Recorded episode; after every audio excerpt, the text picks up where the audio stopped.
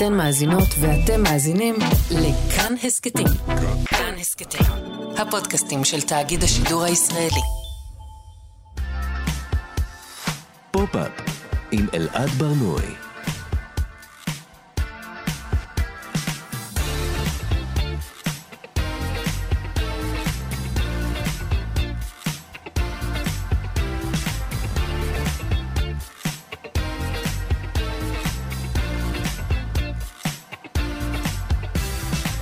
שלום, בוקר טוב, כאן תרבות, אתם על פופ-אפ. בכל שבוע אנחנו מדברים כאן על התרבות שמעניינת באמת כל יום חמישי בשעה 10 ב-105.3 ו-104.9 FM.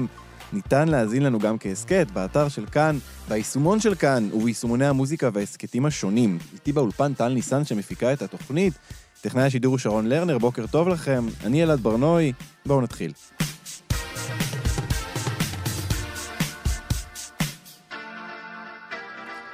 מערכת המשפט עומדת בכותרות בשבועות האחרונים, וגם אנחנו הולכים להיכנס היום בכותלי בית המשפט. אה, בשלושים השנה האחרונות אה, משפטים ובתי משפט הפכו לחלק מרכזי מהתרבות שלנו. אה, משפטים מפורסמים כאלה, כמו של או.ג'יי סימפסון או ביל קלינטון, הם אירוע תרבותי שכולנו יושבים יחד וצופים בו. הדרמה של בית המשפט היא חומר טלוויזיוני וקולנועי מעולה, חוק וסדר, לא רק בלונדינית, האישה הטובה, סוץ, גם תוכניות מציאות כמו השופטת ג'ודי או משפטים מצולמים שמופיעים ברשת, אי אפשר לנתק את בית המשפט מהתרבות הפופולרית, ואנחנו הולכים היום ממש להביט במערכת הזאת דרך התרבות הפופולרית. ננסה להבין מה בין סדרות בתי משפט ובין המציאות. אנחנו נשוחח גם עם שופטת בדימוס ונלמד קצת על דמות השופט ואיזה קשר יש בינה ובין שופטים בריאליטי, וגם נדבר על בית המשפט הציבורי, הלא הוא האינטרנט, שבו אנחנו מעמידים יום-יום למשפט ולעיתים חורצים את גורלם של לא מעט אנשים. ננסה להבין למה אנחנו עושים את זה ולמה זה כל כך כיף. אבל לפני כל זה, השבוע התקיים גמר הסופרבול ה-57, אירוע השיא של ליגת הפוטבול האמריקאית, ה-NFL. מופע המחצית של הסופרבול כבר מזמן הפך לאחד האירועים התרבותיים המרכזיים של השנה, שמעניין את רוב העולם הרבה יותר מהמשחק שמתקיים לפניו ולאחריו. אגב, מי שכן מתעניין, המשחק היה בין הפילדלפיה איגלס לקנזס סיטי צ'יפס, והצ'יפס ניצחו. בהיסטוריה של מופעי הסופרבול שהחלו בשנות ה-70, בתצורה שלהם היום, שדומה לזו שהיום, הופיעו באמת אומנים מהשורה הראשונה, מאלה פיצג'רלד ודיאנה רוס, דרך ברוס ספרינגסטין, מדונה, מייקל ג'קסון ועד פרינס וביונסה. והשנה הופיעה ריאנה.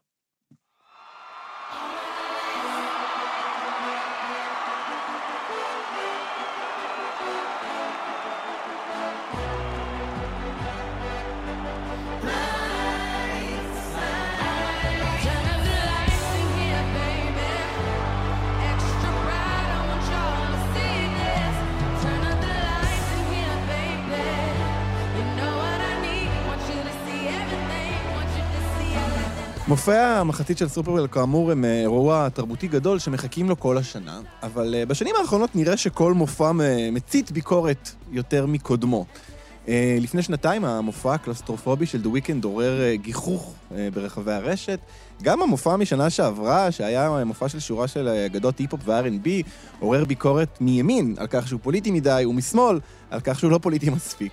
בכלל, נראה שמופע המחצי של הסופרבול הופך יותר מכל להזדמנות של אנשים להביע דעה נחרצת, וגם להגיד על עצמם קצת מה הם ציפו לקבל ומה הם קיבלו בפועל. איזו חוויה הייתה להם. קצת כמו בזירת גלדיאטורים, קשה שלא לדמיין את הזירה הזו, כמו המגרש של הסופרבול, מי לחיים ומי למוות. מי נתן שואו שעמד בציפיות שלי, בלי קשר לאומן עצמו, בלי קשר למה שהוא ניסה להגיד, בלי קשר לזה שריאנה פשוט הייתה ריאנה במשך 13 דקות. אני הייתי הצרכן, ואני באתי לקבל שואו גדול מהחיים, ולא קיבלתי אותו. הרבה אנשים דיברו על זה שריאנה לא נתנה את השואו הגדול הזה, את השפגטים וקפיצות ופיצוצים וכל הדברים האלה. קצת דברים ש... ציפיות קצת גבוהות לאישה בהיריון, אבל בכלל, ציפיות שאולי קצת מנותקות מהאישה שמופיעה שם, ריאנה. אנחנו נדבר היום בתוכנית לא מעט על שיפוט ועל שיפוטיות, אבל לביקורת תרבות, אני חושב, יש יכולות אחרות מעבר לשיפוט. ביקורת תרבות לא צריכה להכריע את גורלו של אף אחד, אין פה גזר דין, אין פה צדק. ביקורת תרבות יכולה לעשות כל מיני דברים ששופטים או חבר מושבעים לא יכולים לעשות. היא יכולה למשל לעסוק בצורה. כך למשל בלבוש של הרקדנים והרקדניות שרקדו עם ריאנה, לבוש יוצא דופן שהיה ניטרלי מבחינה מגדרית, כך שאי אפשר היה לדעת אם עומדת מולך רקדנית או שם הרקדן, או ליכולת של אומנית להרים אה, מופע מול כזה קהל גדול, לעשות את זה בחיוך, עם אירוניה והומור, להישאר נאמנה למי שהיא גם על הבמה הכי גדולה בעולם. אה, ואולי במקום להכריע את הדין, ביקורת תרבות יכולה וצריכה לנהל שיחה, ולא להכות פטיש ולחרוץ את הגורל. פופ-אפ עם אלעד ברנועי. אנחנו היום בתוכנית שמוקדשת כולה לבתי משפט ולמערכת המשפט בתרבות הפופולרית, ואני רוצה להגיד שלום לעורכת הדין ליאת ברגמן. שלום ליאת. בוקר טוב. בוקר טוב. ליאת, אה, תגידי, איך מערכת המשפט, אה, כפי שהיא במציאות, אה, מיוצגת בסדרות טלוויזיה? עד כמה הדבר הזה דומה למציאות? בכלל לא. זו התשובה הקצרה. בכלל לא. אוקיי. אבל גם, גם כשמדברים על הייצוג, צריך להבין שהייצוג הזה עבר איזשהו שינוי ב... בחיים של התרבות הפופולרית כמו שאנחנו מכירים mm. אותה. כלומר, זה התחיל מאיזשהו ייצוג אוטופי שתואם לצורך העניין את החלום האמריקאי, כי אנחנו מסתמכים בעיקר על תרבות פופולרית אמריקאית, שהצדק מנצח והטובים מנצחים. זהו, אני, אני, אני אגיד שאנחנו שומעים ברקע את המנגינה של חוק וסדר, נכון. בשביל, בשביל לתת, להיכנס לאווירה הזאת. אני זוכרת את כל הפתיחים בעל פה. אה, אז, אז אמריקה, אתה יודע, ארץ ההזדמנויות הבלתי מוגבלות, קניין, שוויון, חירות לכל, מין משהו שמחזק את האמון של הציבור במערכת המשפט, כי, כי אפשר לנצח, כי הטוב מנצח, לייצוגים פרודיים כמו נייטקורט בתחילת שנות ה-80, למי שמכיר זה קצת, זה קצת צידי, אלי מקביל ובוסטון ליגל בטח, ועד למה שאנחנו מכירים היום, שהוא איזשהו ייצוגים מורכבים, היפר-ריאליסטיים של איזושהי דקונסטרוקציה של המבנה הזה שמציג אנושיות פגומה ומערכות לא צודקות שמתעמרות בחלש, ו... כלומר יש איזשהו מהלך. אה, ובתוך כל המהלך הזה זה בשום שלב לא דומה למה שאנחנו מכירים מבתי המשפט. אה, נכון, כי, אה, כי צריך לומר, בתי המשפט, מה שאנחנו רואים זה תמיד, יש איזשהו רגע כזה שבו הכל מתגלה, אנחנו, אנחנו חושבים משהו אחד, ופתאום, לא, חשב, אנחנו מגלים משהו אחר, ואז אנחנו, אנחנו ממש מגיעים לצדק. זה, זה בדרך כלל לא קורה, זה הרבה יותר אפור, זה הרבה יותר uh, משמים, כלומר זה כל כך אפור שזה אפילו, זה אפילו לא זוכה ל-40 שניות מונטאז', כלומר זה אפילו לא זה, אפילו לא זה, אפילו את זה לא רואים. Uh, זה, זו עבודה כמו כל העבודות, אתה יודע, בסדרות טלוויזיה הם לפעמים נשארים באותם בגדים מתחילת התיק עד סופו, כלומר הם לא חזרו הביתה באמצע יום, גג יומיים, אבל אה, בפועל תיקים בבתי המשפט לוקחים שנים, ואף שלפעמים יש, יש רגעים שהם פיבוטל, הם, הם, הם, הם ציר שאחריו דברים לא נראים אותו mm. דבר. שאחר... יש רגעים כאלה גם בניהול תיקים אמיתיים. יש רגעים שבהם עד, אתה, אתה מבין שתפסת אותו בשקר על הדוכן. Mm. אבל, אבל כשעד מדבר על הדוכן והוא נותן איזשהו נאום, והוא מדבר, והוא מדם ליבו, והוא בוכה, והוא צועק, והוא זה, ואז מה שקורה בפועל זה שהקלדנית אומרת, אדוני יכול להגיד את זה יותר לאט? זה, זה כל כך אנטי קליימקס לאיך שזה נתפס בטלוויזיה. בטלוויזיה קלדנית תמיד מצליחה להקליד את הכל. נכון. בפועל זה לא, זה לא באמת קורה. וגם, בואו נדבר שנייה על זה שליטיגציה היא לא כל מערכת המשפט. כלומר, ליטיגציה הכוונה זה... אה, ליטיגציה זה הופעה בבתי משפט, כן. זה מה שאנחנו מתייחסים אליו כאל משפט, זה בתי משפט.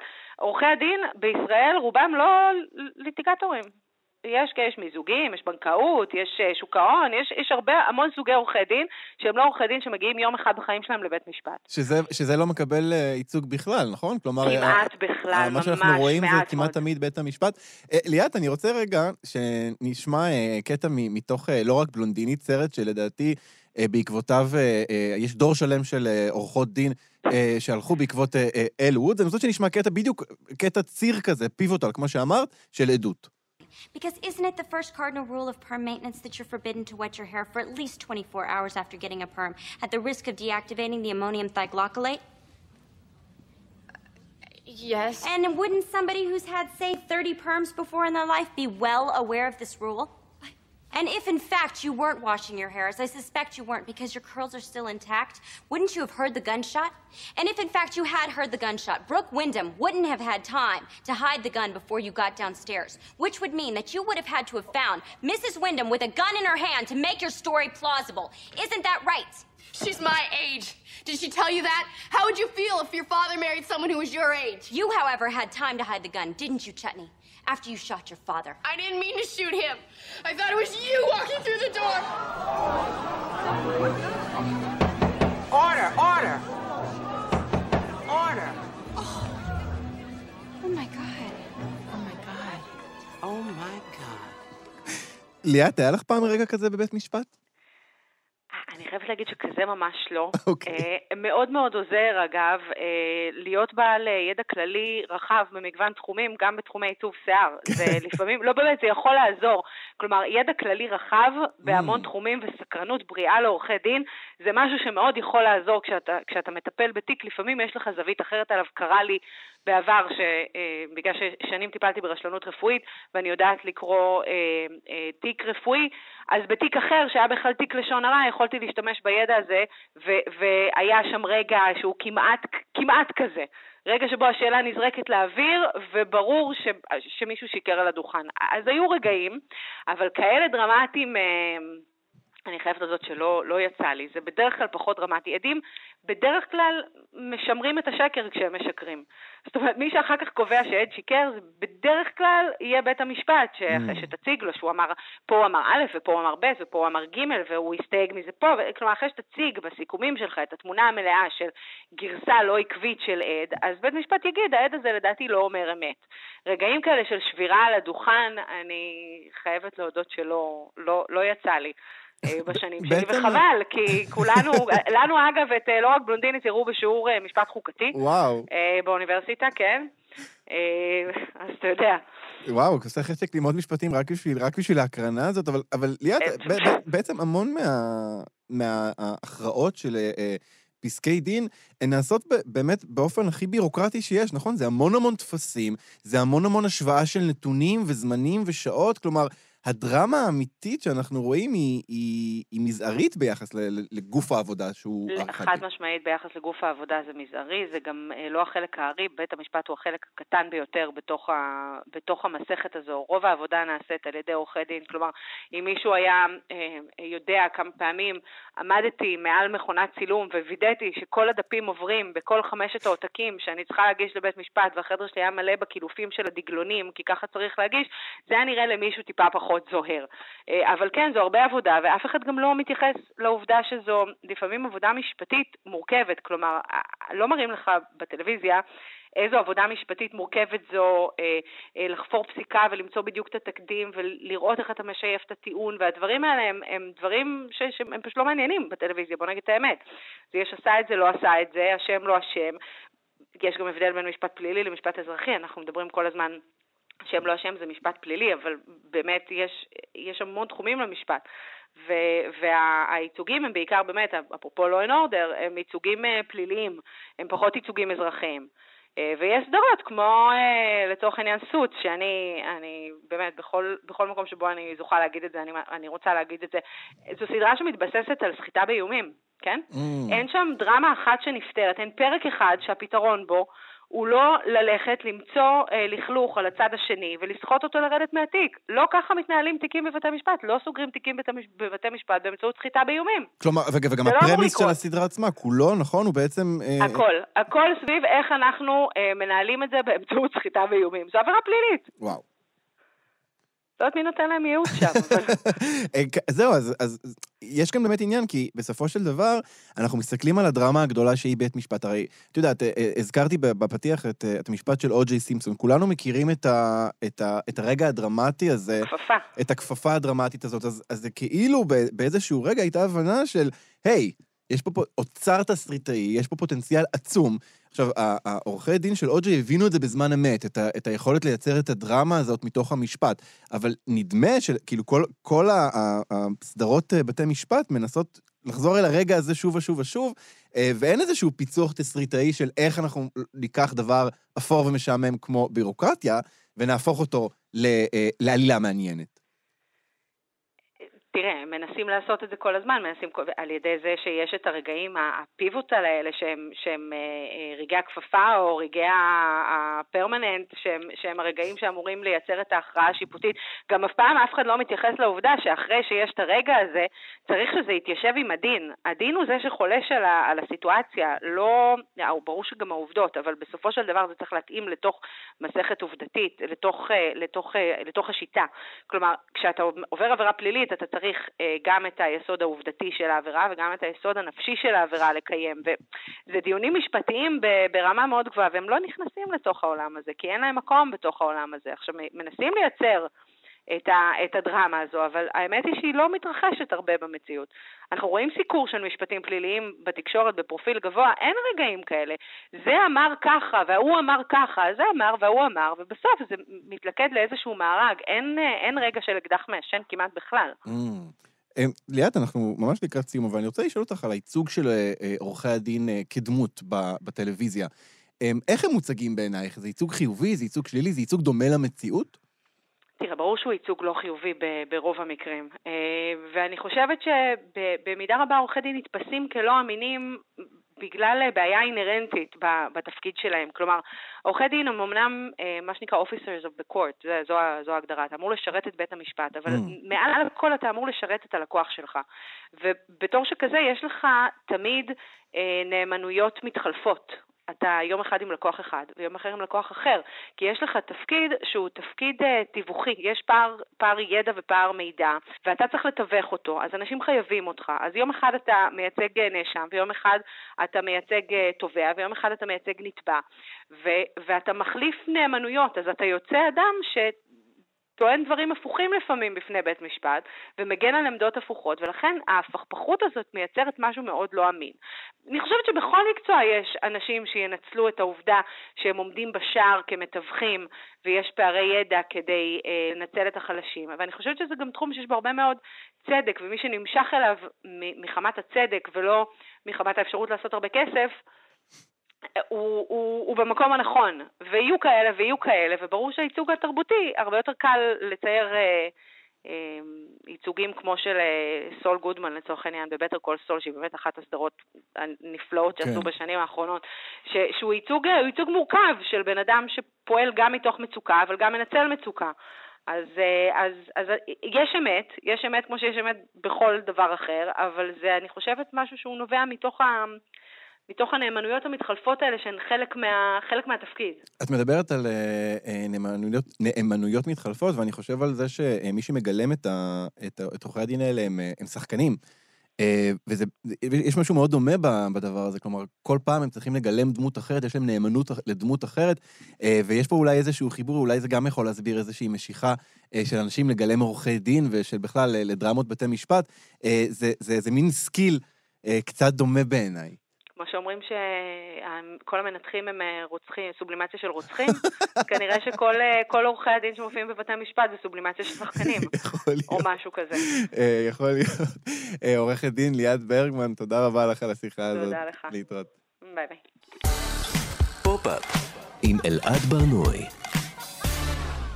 כאן תרבות, אתם על פופ-אפ. היום אנחנו בתוכנית שחגה כולה סביב מערכת המשפט והאופן שבו היא מיוצגת בתרבות הפופולרית. אבל עוד לפני ייצוגים, עוד לפני סדרות בתי משפט, יש במשפט איזה מימד של שואו, לפעמים אפילו שואו טלוויזיוני. כך למשל, המשפט המפורסם של או.ג'יי סימפסון מ-1995 הפך לספקטקל טלוויזיוני הרבה לפני שיצרו סדרות שמבוססות עליו.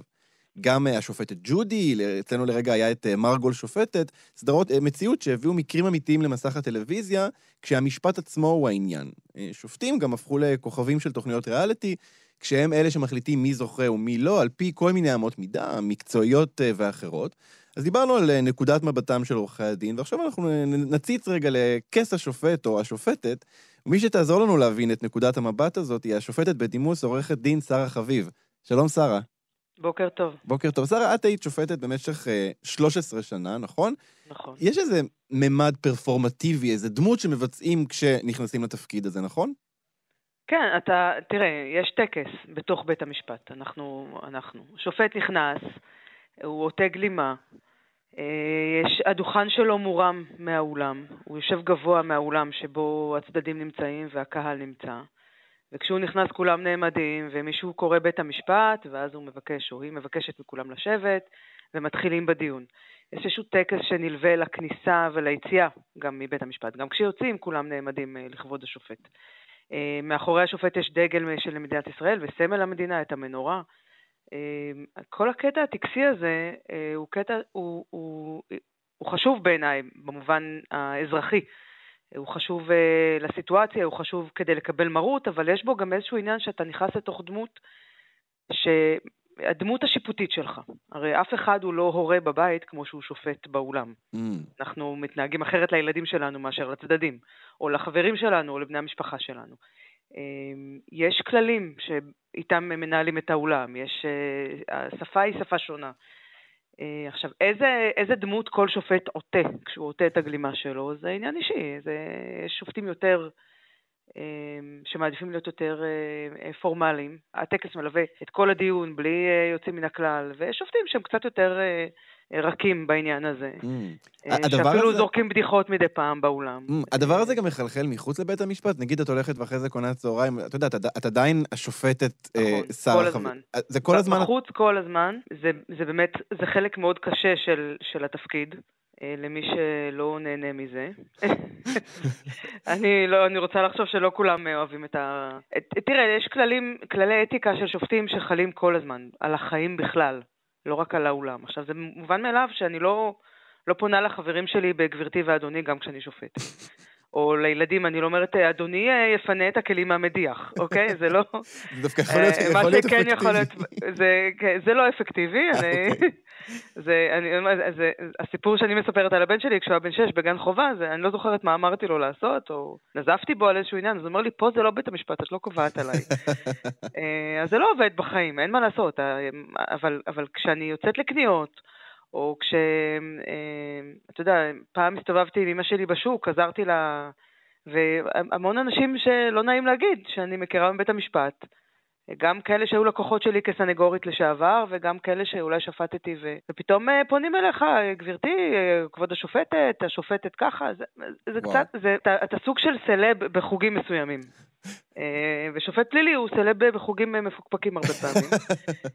אה, וזה, ואתה לא יכול לוותר על התדמית השיפוטית בתוך הקהל הזה, אה, פשוט כי מחר אתה אולי תז- תזדקק לשוב. כן, צריך צריך לשמור ויש- על דיסטנס כל הזמן. גם, כן, הדיסטנס עוזר לשפוט. אי אפשר להיות חבר של מישהו שאתה הולך לשלוח לכלא בסוף התהליך. וואו. או יש סיכון שאתה תעשה את זה. שרה, אני רוצה לא ש- יכול- אני רוצה שנשמע רגע קטע מתוך תוכנית המציאות השופטת ג'ודי. זו תוכנית אוקיי. בית משפט אמיתית, היא רצה במשך אה, 25 עונות, היא ירדה בשנה שעברה. מדובר במקרים אמיתיים בבית משפט, שהשופטת ג'ודית שיינדלין אה, שופטת אותם. בואו נשמע רגע. I've asked him multiple times to come get his stuff. Well, he did come and get the moment. He blew- And he you would had, blow it And off. you had what, what I think And- that they used to call, I don't think they call it anymore, a booty call. Yeah, they still call it a booty call. Still. Yeah. I All just right, wanted Miss him to take Tierney. it all because, you know Miss what? I need to move on. Miss Tierney, listen, I can't have this going back and forth. listen, it's not, yeah, don't be stupid. I mean, try, 10 million people are watching you today. Do you still live with mm. your mother? Yeah. Yeah. Well, you don't want her to be humiliated. So, yeah, don't be stupid.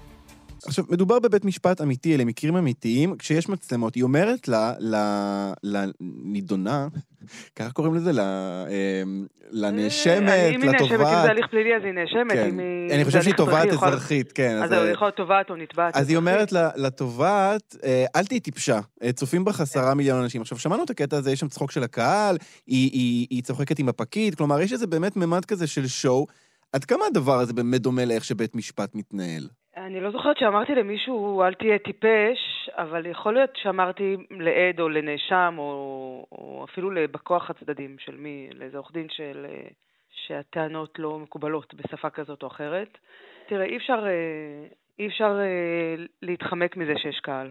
Mm. אני כן זוכרת שפעם אה, אמרתי לעורך דין בדיון מעצרים, מה שקורה בדיוני מעצרים זה שסנגורים לא רואים את חומר החקירה, זה חסוי. אוקיי. והם הרבה פעמים מנחשים מה קרה, או מה החומר, לאן החומר מצביע. Mm. ויש, היה סנגור מאוד צבעוני, והוא טען מאוד בלהט, ככה עם כל ההצגה של תנועות ידיים, והסתובב באולם, והאולם באמת היה מלא עד אפס מקום, זה עשרות לקראת המאה אנשים, זה אולם גדול, ו... והוא הוא טוען מה היה, והוא מספר סיפור, ו... והוא פשוט נכנס לתוך הסיפור של עצמו, רק שהסיפור הזה לא עלה בכלל מתיק החקירה, ובאיזשהו שלב אמרתי לו, עורך דין איקס, לא משנה, הסרט שאתה רואה זה לא הסרט של, של תיק החקירה.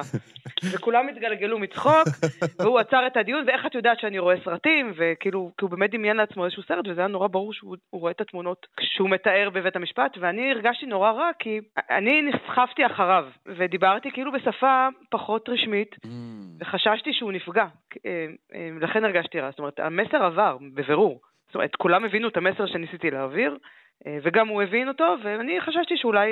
אז אני, אני כן חושבת שבדיעבד הוא לא, כי התנצלתי, והוא אמר שזה הכל בסדר. ו... אבל, אבל, אבל, זה, אבל אבל הקהל יש איזשהו משפיע. מתח, נכון. לא, אז זהו, שהקהל לא השפיע עליי באותו רגע, וכאילו דיברתי איתו באחד על אחד, וכשכולם צחקו, פתאום הבנתי, רגע, אבל יש פה קהל, ומה אמרת? Mm. תפסתי את עצמי.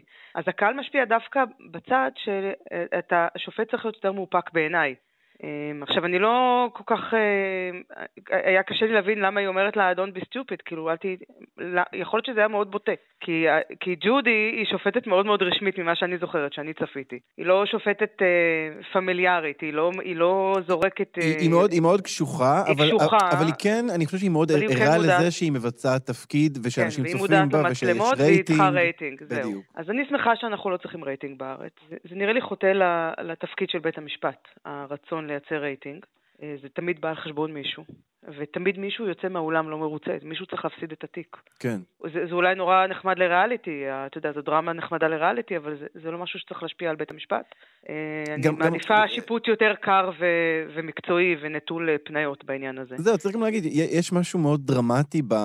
באיך שאנחנו לפחות מדמיינים את המשפט, ובטח בתוצאות של זה, כן? הרבה פעמים אה, אדם בסוף, בסופו של דבר הולך לכלא, זה דרמה מאוד גדולה, זה אבל... פלילי, כן. אבל- או מפסיד הרבה כסף כשזה אזרחי. כן, כן. זו דרמה לא פחות זה. עדיין דרמה גדולה. אני יכול אבל להבין, אני יכול להבין למה הרגע הזה הופך להיות רגע כל כך טלוויזיוני כל הזמן, כי בסוף זה איזה מין מישהו מכה בפטיש והחיים של מישהו משתנים. כלומר, כן לא, אין יש... פטיש. מעולם לא נכנסתי עם פטיש לאולם. אה, באמת? כן? זאת אומרת, יש, יש שופטים שנכנסים עם פטיש לאולם. אני, אני מכירה שופטת אחת שנכנסה באופן קבוע עם פטיש, וכזה התושבת שלו, כדי שיהיה על מה לדפוק, כי אי אפשר לדפוק על השולחן. אז ש... אבל, אבל מעולם לא נזקקתי לפטיש. גם אם הרמתי את הכל, כי, כי באולם מעצרים זה קורה הרבה, ש, שיש סוג של בלאגן, יש תמיד הרבה קהל ומשפחות של עצורים, ועצורים נכנסים ויוצאים, ושב"ס, ועורכי דין שבאים ונכנסים ויוצאים, ולפעמים צריך להשתלט על הבלאגן הזה, זה כמו טיול שנתי כזה שיוצא Mm. משליטה, אז, אני, אז לפעמים מרימה את הכל כדי להשיג שקט. לא השתמשתי בפטיש מעולם. אה, אני רוצה לשאול אותך, לא, שרה... אבל, אבל, זה, אבל זה, זה טקס שהוא לא קיים בארץ. אני חושבת שמעט מאוד שופטים נכנסים עם פטיש. Mm. אבל עדיין אבל- יש, אבל עדיין יש כאן יש טקס, שיחות- נכון? זה עדיין נכון, טקס יש, גדול. הטקס, כן, הטקס שנכנסים ויוצאים, ויש את השיחה שהיא פורמלית. למרבה הצער, מי שלא מבין מה קורה בתיק, זאת אומרת, מי שלא בתוך העניינים ובתוך המשפט, ולא מבין את השפה, ולא מבין את ההליך עצמו המשפטי, מי- מי שייכנס מבחוץ, שהוא לא קשור לתיק, אה, אפילו אם הוא יראה חקירה נגדית שיכולה להיות נורא דרמטית באיזשהו תיק, זה בדרך כלל מאוד ישעמם אותו בארץ. Mm. אין, אני לא מכירה, יש מעט מאוד שופטים, אה, אה, עדים שעומדים על הדוכן ונשברים ומודים שהם רצחו את ארלוזורוב תוך כדי חקירה נגדית. בדרך כלל הם חוזרים על ההודעות שלהם במשטרה או בתצהיר, אם זה הליך אזרחי. זה מאוד לא, ו, וגם כשקורה משהו שהוא נורא דרמטי, מי שלא מצוי בנבחי התיק הספציפי לא יבין את זה. כן. זה באמת, בגלל שהשפה היא רשמית והיא כאילו קצת גבוהה יותר, הרבה פעמים זה נורא משעמם. אה, מי שנכנס מבחוץ, וכל הדרמות שאנחנו רואים בטלוויזיה בדרך כלל לא נכנסות באמת לאולם. אה, זה גם נראה הרבה פעמים שאני אתן לך החלטה דרמטית של שחרור ממעצר בתיק אונס, נכון? זה. זה לא קורה הרבה. כן. זה לא קורה, זה סוג של דרמה. עכשיו, לפעמים זה מתנהל נורא ביבשושיות, כי כולם מבינים נניח שיש בעיה בראיות, או שיש בעיה אחרת בתיק שמצדיקה שחרור, אפילו שהתיק עוד מתנהל ולא מצדיק זיכוי לצורך העניין בשלב הזה. וה, וכל ההליך הזה מתנהל, אה, איך אמר למישהו מה, באבחת אה, הקלדה אה, שחררו את הנאשם, אבל הייתה שם החלטה נורא דרמטית, שהראיות מאוד מאוד קשות, שהן לא, לא מצדיקות מעצר.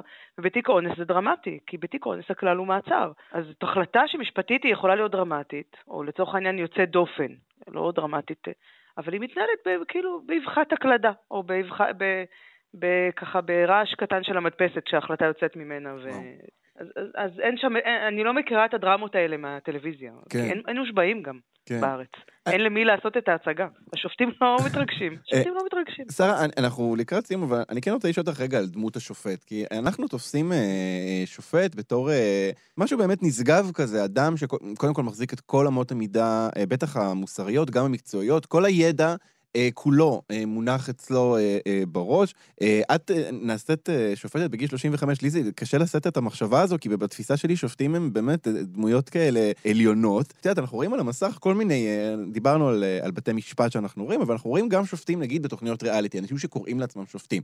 אמ, את יודעת, כש, כשיושב שם אה, אה, שופט ו, ושופט מתמודד שרוקד או שר, זה קרוב באיזשהו אופן לתהליך שיפוט שאת מכירה, לאמות המידה שאת נדרשת להשתמש בהן? תראה, שופט צריך לדעת את הדין ואת החוק ואת הפסיקה ביחס לתיקים הספציפיים שמונחים בפניו. שופט לא, אף שופט לא יודע הכל. או את כל החוקים ואת כל פסקה, לא מכירים הכל. אה, הרבה פעמים אנחנו לומדים תוך כדי התיק, אה, כי מגיעה איזושהי שאלה משפטית שאנחנו לא נתקלנו בה קודם, ואנחנו לומדים אותה ו- ונותנים החלטה. הדבר היחידי שדומה לריאליטי, אה, זה בריאליטי שיש בו איזשהו צורך לשיפוט מקצועי.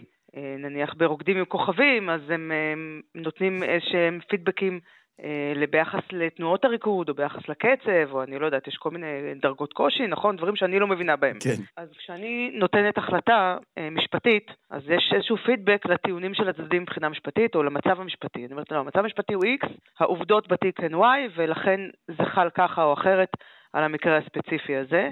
כל השאר, יש הרבה אמות מידה בריאליטי שהן, שהן לא יכולות להיכנס להליך אה, משפטי. אה, בבית המשפט האמיתי. אה, יש לך כריזמה או אין לך כריזמה? את, ה, את הנאמבר הזה אהבתי יותר מאשר את הנאמבר הקודם, זה יותר מתאים לך. אני לא יכולה להגיד לעד, יש לך כריזמה אז עברת, או אין לך כריזמה אז אני לא מאמינה לך. אני צריכה ראיות, זה לא עובד ככה. אני לא יכולה להגיד, העדות שלך אתמול הייתה יותר טובה. אני, זה, לא, זה לא באמת, כאילו, גם אם יש לעד מסוים או לצד מסוים חן כזה או אחר באופן אישי, או יש לו כריזמה או אין לו כריזמה באופן אישי, זה לא משהו שמשפיע על ההחלטה. ההחלטה נבנית מתוך הסיטואציה המשפטית, אל תוך הראיות, אל תוך העובדות שאנחנו מכניסים לתוך התיק. את העובדות הרבה פעמים אנחנו צריכים לקבוע, זה חלק מפסק הדין. הרבה פעמים הוויכוח הוא עובדתי כי המצב המשפטי מאוד ברור. זאת אומרת, מאוד, מאוד mm. ברור שאם אני אקבע שהמצב העובדתי הוא X, אז חל מצב משפטי מסוים, ואם אני אקבע שהעובדות הן Y, כמו שצד אחר טוען, אז המצב המשפטי הוא אחר לגמרי. ולכן הרבה פעמים הוויכוחים בבית המשפט, במיוחד בהליכים פליליים, הן, הן על העובדות עצמן. הוויכוחים הם תמיד, הם תמיד על העובדות, ופחות על המצב המשפטי שחל. אין, אין מה להשוות ריאליטי, החיים הם יותר חזקים מהריאליטי אגב, מהריאליטי ה, איפה שיש שופטים בטלוויזיה, זאת אומרת, זה מה, זמר במסכה, רוקדים עם כוכבים, זה, זה לא נראה ככה. אין את השואו הזה, לא צריך להיות השואו הזה, זה באמת, זה חיים של אנשים, זה הרבה יותר רציני, וזה לא אמור לבדר אף אחד, זה באמת לא מצחיק. הרבה פעמים, גם יש איזשהו קטע מצחיק בתוך האולם, זה אנקדוטה שחולפת לה מיד והם ממשיכים עם התיק. אני משוכנע שבתי הכלא מלאים באנשים אה, אה, כריזמטיים אה, ומרשימים שלא הצליחו, נכון. לא הצליחו לעבוד על, על שופט או על שופטת. עורכת דין שרה חביב, שופטת בדימוס, תודה רבה לך על השיחה הזאת. תודה לכם. פופ-אפ עם אלעד ברנועי. דיברנו לא מעט על אה, בתי משפט ועל מערכת המשפט, אבל אנחנו שופטים אנשים כל הזמן, ביום-יום, בעבודה, בבית, בטח ברשת, אה, ואיתנו כדי לדבר על שיפוט ושיפוטיות ברשת ובכלל דוקטור יאיר בן דוד, חוקר ומרצה בתחום הפסיכולוגיה של המוסר, מחבר הספרים איך להיות טוב ואיך להיות רע. אתם יכולים לבחור. שלום יאיר. שלום, שלום. יאיר, למה אנחנו שופטים אנשים? למה אנחנו שופטים אנשים? אז קודם כל יש לזה כמובן אה, צורך מאוד גדול בעולם, אתה רוצה לדעת אה, מי יכול להיות חבר שלך, מי לא, מי לטובתך, מי לרעתך. כבר כילדים אנחנו רואים שילדים עושים שיפוט מוסרי, עושים להם ניסוי בבובות והם רואים בובה שמרביצה לשנייה, אז הם מתרחקים ממנה. כלומר, mm. ממש מאז הילדות זו תכונה שמאוד עוזרת לנו, רק, אה, אתה יודע, מתישהו היא גם יכולה להפריע. זהו, זה, זה, זה, זה מתחיל כמו איזה מנגנון הישרדות כזה, לפי מה שאתה אומר, נכון? צורך קהילתי להבין, אה, אה, לנו אתה אם לצרינו. ממש, כן. אה, אבל אה, נגיד עכשיו אה, יש דיון ברשת, ומישהו כותב פוסט על משהו שמישהו עשה, ואני מתמלא באיזו תחושה פנימית כזו של זעם קדוש. לגבי הדבר הזה שהוא עשה. מה זה? מה התהליך הפסיכולוגי שאני עובר ברגע הזה? יפה, אז, אז קודם כל אתה עובר גם את השיפוט המוסרי הרגיל שאתה עובר מול אנשים אחרים. אתה יודע, אתה רואה מישהו ברחוב דוחף מישהו אחר, אז כמובן שרצוי שתב... שתתערב וכולי, אבל אתה גם תשפוט את אותו בן אדם.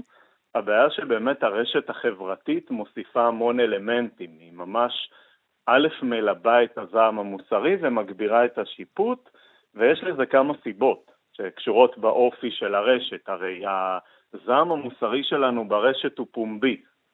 כלומר, כן. כשאני יוצא נגד מישהו, כן, אדם כתב משהו שהכעיס אותי, ואני חושב שלכולנו יש כאלה, כן, אה, שקשורים לפוליטיקה, שקשורים לאיזה מעשה שסלב כלשהו עשה, כן. אז אנחנו, כשאנחנו כועסים וזועמים מוסרית, אנחנו גם מראים את זה לכולם, וזה יוצר סיגנל לכולם, הנה, אנחנו מוסריים יותר, או עשינו את הדבר המוסרי שלנו להיום. כן, אבל, אבל, אבל יאיר, לפני, יש, זה באמת, יש את הסיגנל, את ה, אנחנו קוראים לזה גם אה, virtual signaling, נכון? שאני, אני מסמן נכון. לאנשים שאני מוסרי באמצעות הדבר הזה, אבל אנחנו באמת חווים זעם ברגע הזה? כלומר, באמת אני מרגיש את כל הדברים האלה שאני אומר לעצמי שאני מרגיש, או שזה פשוט באמת רק הדבר הזה של איך אני אראה כלפי חוץ? אז התשובה היא שכן, אנחנו חווים זעם, ויותר מזה, אחד הדברים המעניינים שמחקרים אה, הראו, זה שאנשים אה, שמביעים זעם מוסרי,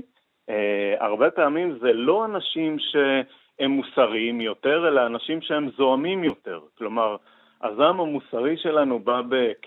בקורלציה, מה שנקרא, עם אה, חוסר שליטה עצמית ועם רגזנות, ופחות עם תכונות מוסריות. כלומר, אנחנו כן מתעצבנים, ולהפך, הרשת החברתית היא במה מצוינת להוציא זעם, כי גם אה, אנחנו יכולים לקבל עליו צידוק מוסרי, וגם אין על זה מחיר, כן? בעולם האמיתי אתה תוציא זעם על מישהו באופן לא מוצדק, וזה יכול להיגמר אה, נורא, אתה יודע, כן. כמו שזה נגמר לפעמים בכבישים. כן. ברשת החברתית אין לזה מחיר, כמעט.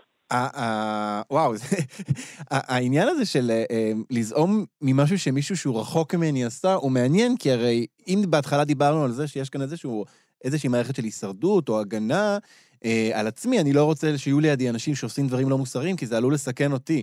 אבל אם עכשיו איזה אומן עשה משהו לא מוסרי, למה זה בכלל מעורר בי זעם? הרי הוא לא קשור אליי, זה לא יכול להשפיע עליי. נכון. אז קודם כל זו שאלה מצוינת, כי באמת אתה אומר, אם זה הישרדותי, אז כמו שאתה אומר, מעניין אותי מה קורה עם האנשים לידי. מה אכפת לי ממישהו רחוק? כן. אז, אז קודם כל חשוב לזכור שעם אותו אומן, כן, נגיד, אה, אתה יודע, אנחנו, אה, אה, יש המון פרשיות, כן, כל התבטאות, נגיד בעבר אנחנו זוכרים את ההתבטאות של אה, שלמה גרוניך וכל מיני התבטאויות כאלה. כן. אנחנו אומרים הבן אדם נמצא רחוק, אבל בפועל, כמו שאתה ודאי יודע, אנחנו ממש מרגישים שיש לנו יחסים אישיים הרבה פעמים עם נכון, האנשים האלה. נכון.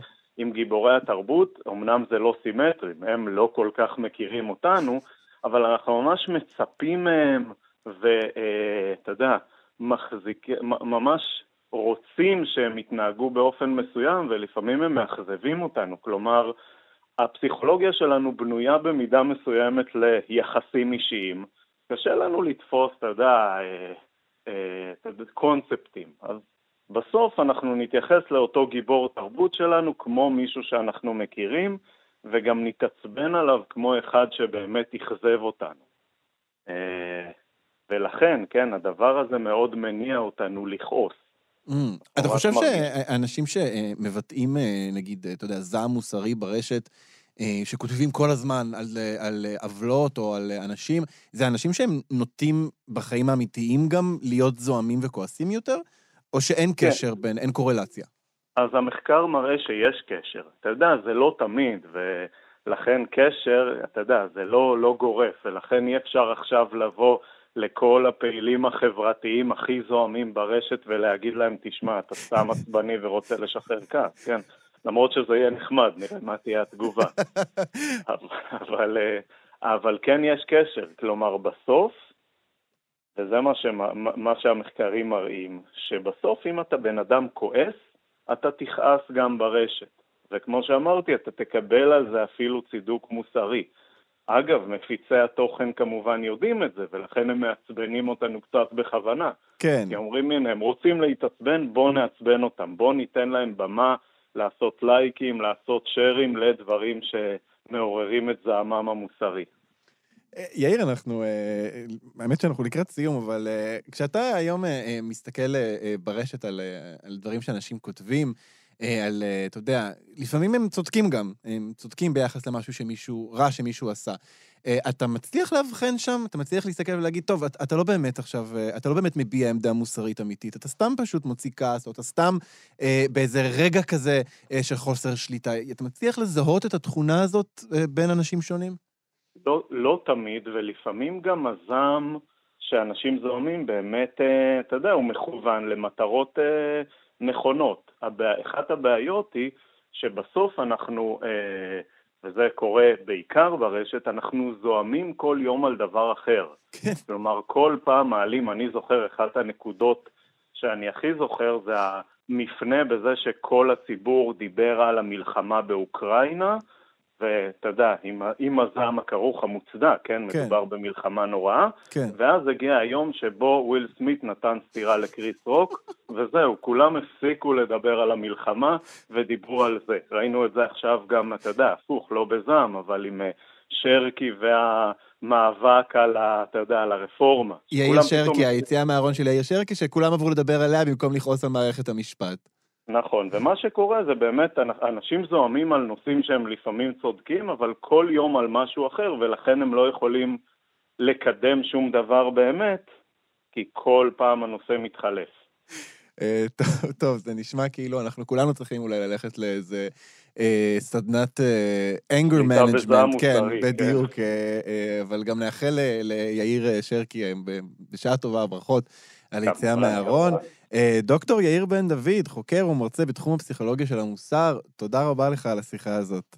תודה רבה רבה, להתראות. וזהו, אנחנו הגענו לסוף התוכנית, פופ-אפ, בכאן תרבות. את כל השירים מכל התוכניות אפשר למצוא בפלייליסט מתעדכן, חפשו בספוטיפיי פופ-אפ. תודה לטל ניסן על ההפקה, תודה לטכנאי השידור שרון לרנר, אני אלעד ברנוי, להתראות. אתן מאזינות ואתם מאזינים לכאן הסכתים. כאן הסכתים, הפודקאסטים של תאגיד השידור הישראלי.